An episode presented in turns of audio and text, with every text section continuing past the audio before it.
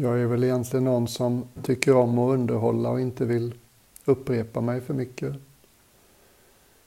Men jag påminns ibland om att det finns ändå ett värde i att ha en viss liten procedur eller steg för steg när man börjar meditera.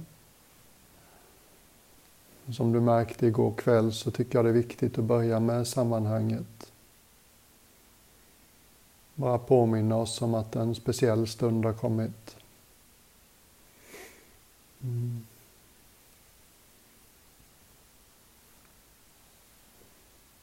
Någon beskrev det som två väskor vi alla bär genom livet. En väska vi kan kalla min historia och en väska vi kan kalla min framtid. Och det där är viktiga väskor. Det gäller att förhålla sig klok till dem. Och det har också sitt värde att ibland ställa dem ifrån sig en stund. Och bestämma sig för att inte tänka på mitt liv den här stunden. Det är inte så mycket att tänka den här stunden handlar om. Och kan vi vila i någonting lite mera här och nu än tankar en stund så kan vi komma tillbaks till tankarna sen. Lite skarpare. Lite mer kapabla.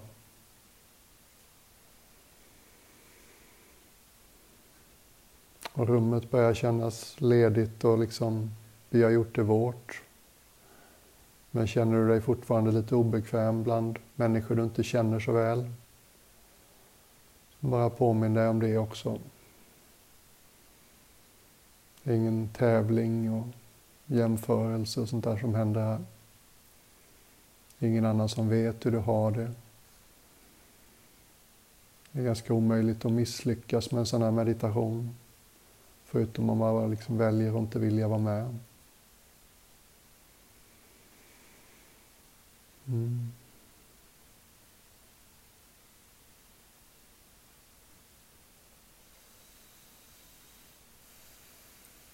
Och det finns ingen motsättning mellan att vända uppmärksamheten inåt ibland.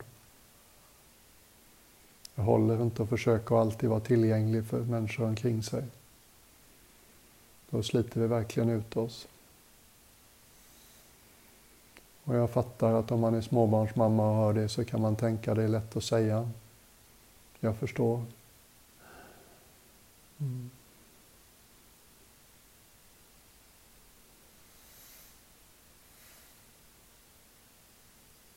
Någon berättade från en scen någon gång om en småbarnsförälder som talade om när han fick egen tid. Då sa pappan att du vet den här korta stunden från det att jag spänner fast mitt barn i vad heter det, bilsätet för barn på ena sidan av bilen. Den korta stunden när jag går runt bilen innan jag sätter mig, då får jag egen tid. Så jag fattar vissa perioder i livet så är det inte så himla lätt. Men nu har det kommit en sån stund. Det behöver inte vara något för någon.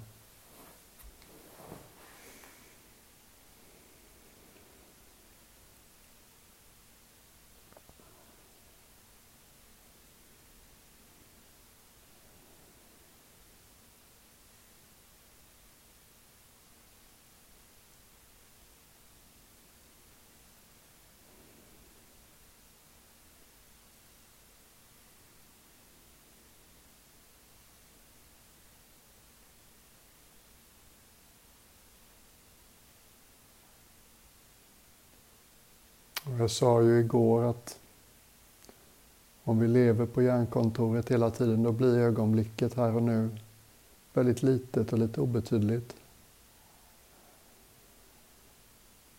Och det där andra som blir viktigare då. Har du tänkt på att det aldrig är viktigare eller verkligare än en tanke? Hela din historia, hur du än känner för din historia. Det blir aldrig verkligare än ett minne. En liten såpbubbla i huvudet. Den kommer och glänser till en stund och så poppar den. Och samma sak med framtiden. Vi tar de där väldigt selektiva minnena. Vi minns ju inte allt som har hänt, vi minns nästan bara det som var eller vi minns mest det som var känslomässigt laddat. Till och med tycks det vara så att det som var svårt sätter djupare spår i minnesbanken än det som var lätt. Glädje gör liksom inte så djupa spår i själen. Medan sorg och ensamhet och de svårare stunderna, de sätter djupare spår. Och sen när vi tänker på framtiden så tar vi våra minnen och skruvar dem lite. Allt efter vilka förhoppningar och farhågor vi har. Och så tänker vi på de fantasibilderna som den möjliga framtiden, den troliga framtiden. Och det blir nästan aldrig som man har tänkt ju. Jag tänkte på det mycket när jag var liten och såg fram emot saker. Det blev aldrig precis som jag hade tänkt. Det var aldrig just det jag längtade efter mest som blev liksom höjdpunkten utan det blev alltid annorlunda. Bra på ett annat sätt, dåligt på ett annat sätt. Hur stor och viktig och verkliga vill du göra de där tankarna om framtid? Hur tungt vill du bära din historia?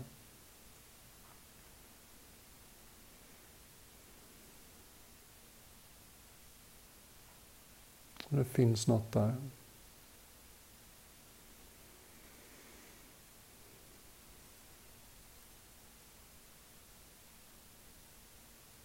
Är vi närvarande? Tror vi inte omedelbart på varenda tanke? Följer vi inte omedelbart varenda tanke, farhåga, förhoppning?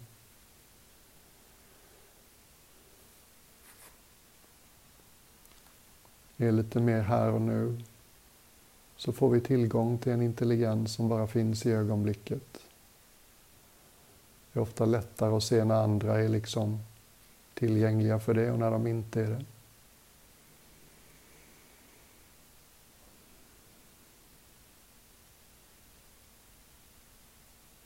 Ju mer vi vänjer oss vid det sättet att fokusera, ju mer upptäcker vi att vi påtaglar, påfallande ofta. Vet vad som behöver hända när det behöver hända. Vi vet vad vi behöver göra eller säga när det behöver göras eller sägas. Inte innan. Och vårt ego gillar inte osäkerhet. Så mycket av mänsklig aktivitet är liksom en ständig kamp för att reducera osäkerhet.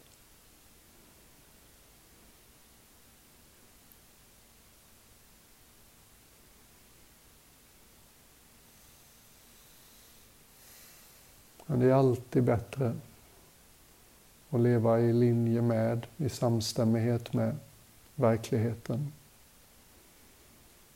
Och verkligheten är att det mesta är väldigt osäkert. Inte bara vädret och ekonomin och hälsan och allt vad det kan vara. Det sociala livet. Mm. Utan förstås även det inre. Känslorna som kommer och går. En del av dem vill vi att de ska vara länge. De är ofta för korta. En del är jobbiga och vi skulle hellre vilja slippa dem. Och ju mer motstånd vi gör, ju längre stannar de. Mm.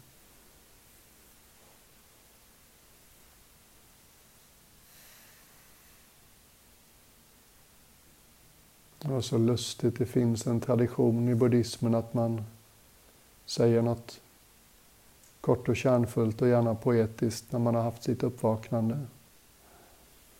Den första som gjorde det var en av Buddhas fem lärjungar. Och de första han berättade om sin upptäckt för efter sitt eget uppvaknande. Och en av dem vaknade under hans berättelse.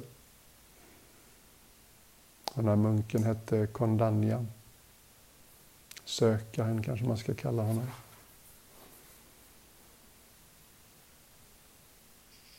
Och hans första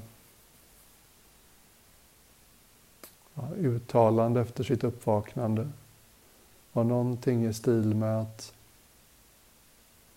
allt som uppstår upphör. Jag säger, okej, okay. so what? Och Vi ser det i alla de stora andliga traditionerna. De påminner oss om värdet av att begrunda livets förgänglighet. Men kanske ännu mer värdefullt i ögonblicket. Alltid statt i ganska ständig förändring. Tankar kommer och går, känslor kommer och går. Syn och hörselintryck kommer och går. Smak och luktintryck under måltiderna speciellt kommer och går.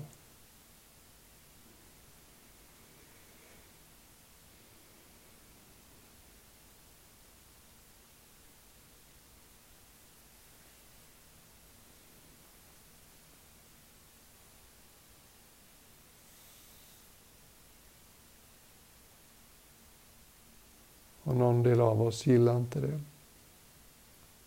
Någon del av oss vill att det som gör gott ska vara. Och att det som är jobbigt ska försvinna. Vi vill gärna veta vad som kommer att hända sen. Gärna lite garantier för att det inte ska bli jobbigt för oss. Och det är mänskligt förstås. Men det blir lätt att vi går mot kontroll för mycket liksom blir tajta, ängsliga.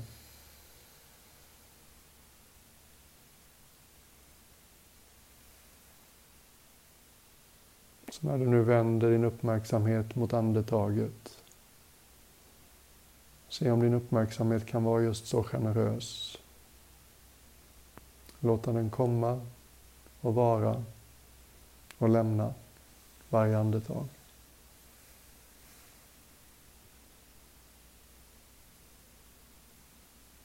Gör det inte till något tekniskt komplicerat andningsmeditation. Det behövs egentligen ingen teknik alls. Om jag frågar dig nu, i detta ögonblick, andas du in eller andas du ut? Så vet du omedelbart var du är i den cykeln. Du kan bara vila i den vetskapen. Du kanske inte ens går till någon speciell plats i din kropp. Eller så gör du det.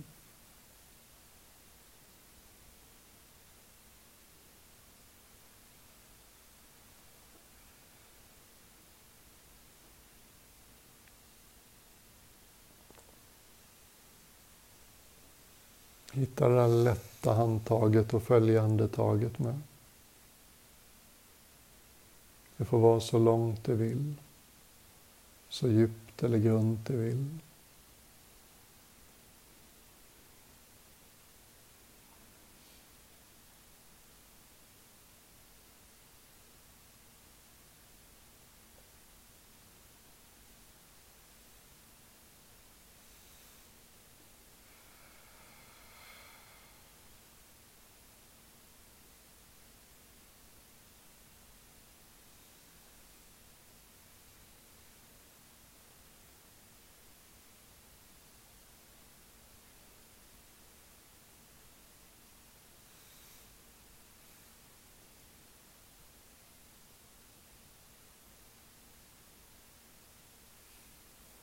Det är inte fel att hitta nybörjarsinnet. Buddhister tenderar att hylla nybörjarandan. Har vi inte har gjort något en massa förut så är det på riktigt mer. det. Faller inte in i vanan att göra som vi gjorde sist. Mindre benägna att tro på den där blasé delen av oss. De tycker sig ha sett allt.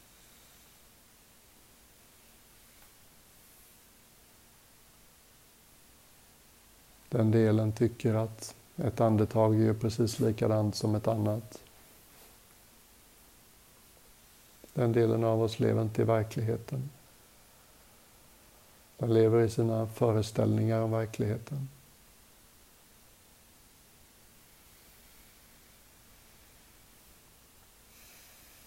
Hur skulle det kännas att följa andetaget om varje andetag kändes som det första? Som om du inte visste vad andning var.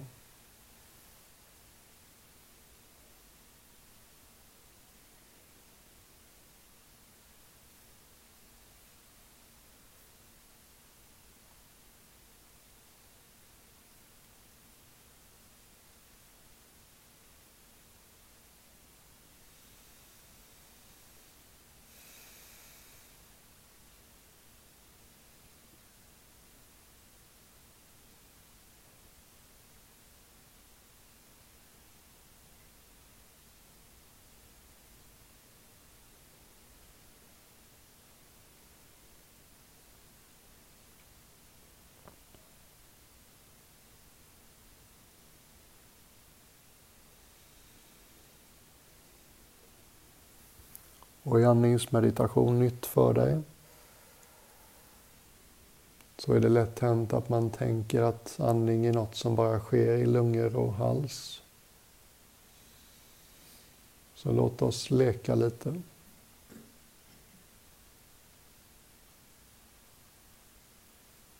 Om du gav din högra handflata lite extra uppmärksamhet nu kan det kanske vara så att din högra handflata på något sätt kan känna av eller registrera när utandning övergår i inandning och när inandning övergår i utandning.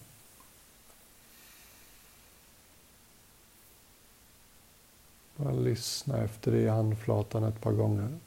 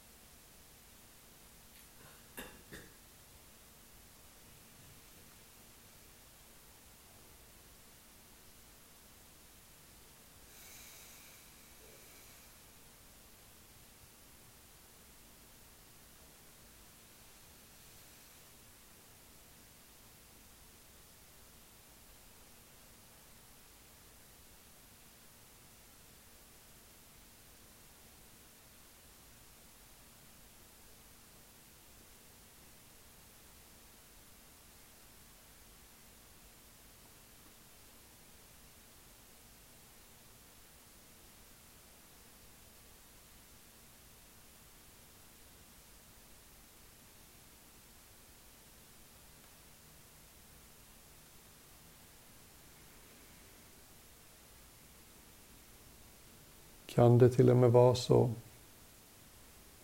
att ditt vänstra ben, säg låret om du vill, på något sätt kan läsa av när inandning övergår i utandning och när utandning växlar till inandning.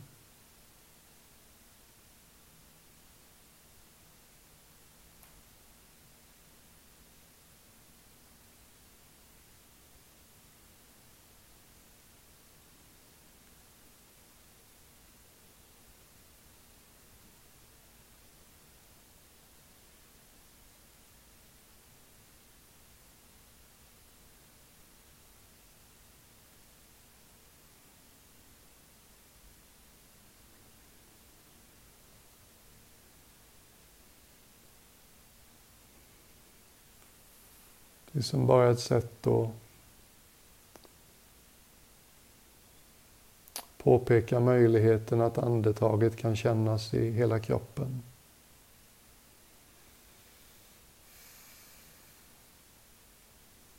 På ett energiplan så är det som en våg som stiger och faller genom kroppen.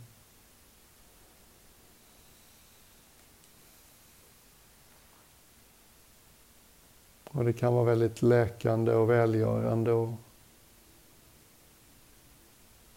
ägna sig åt sån här bred andningsmeditation. Buddhan hyllade friskt. Kallade det att andas med hela kroppen. Bara låta varje andetag bli som en våg som stiger och sjunker genom kroppen. Det hjälper dig att hålla kontakt med din egen kropp.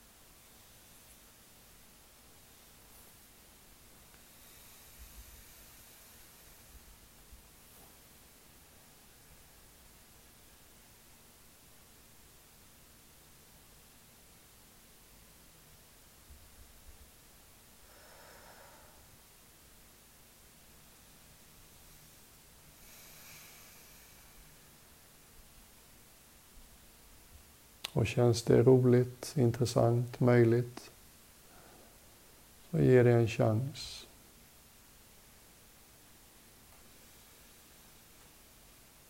Andas ut och in genom i stort sett hela kroppen. Känn den expansiva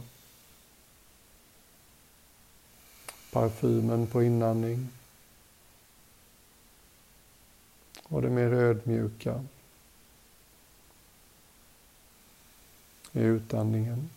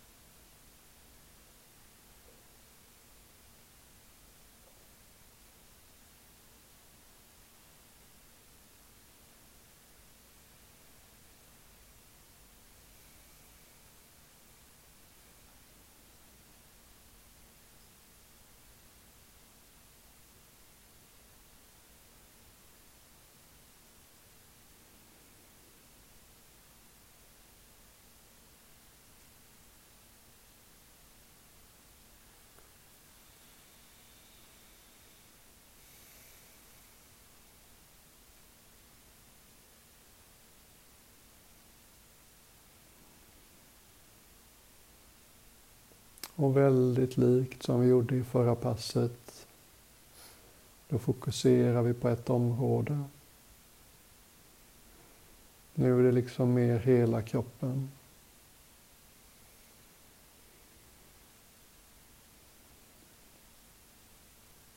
Låt andetaget hjälpa dig att få tillgång, känna av hela din kropp.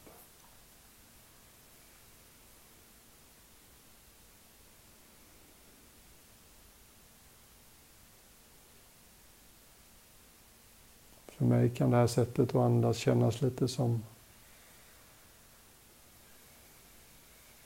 ja, som om jag var liksom som, mer som en sfär eller något. En ballong eller något som expanderar lite vid varje inandning. Som drar sig samman lite vid varje utandning.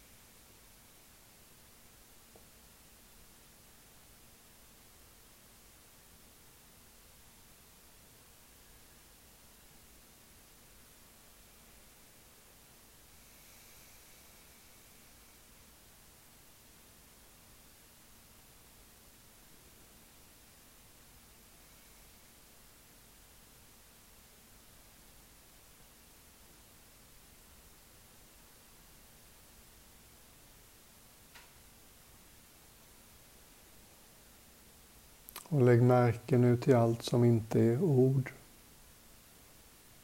Allt i dig som inte är fullt av ord.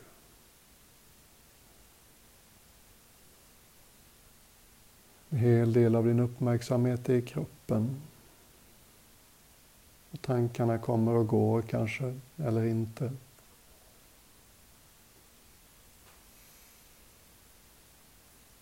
Någonting mera lågmält är tydligare. Någonting i dig och mig som är fullt kapabel att bara vila i. Ett andetag i taget.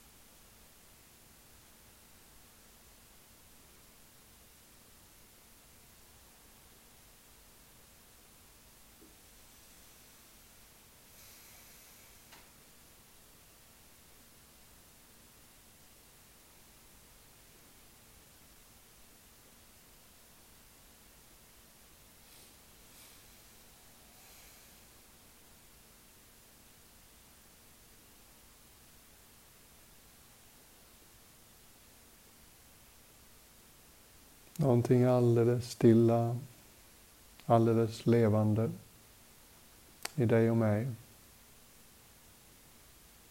Som är alldeles nöjt och bara lägga märke till varje andetag.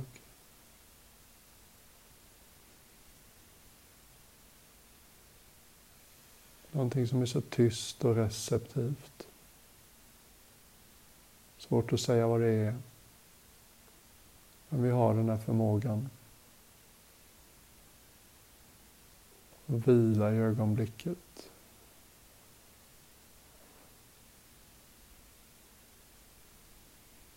Lyssna på livet.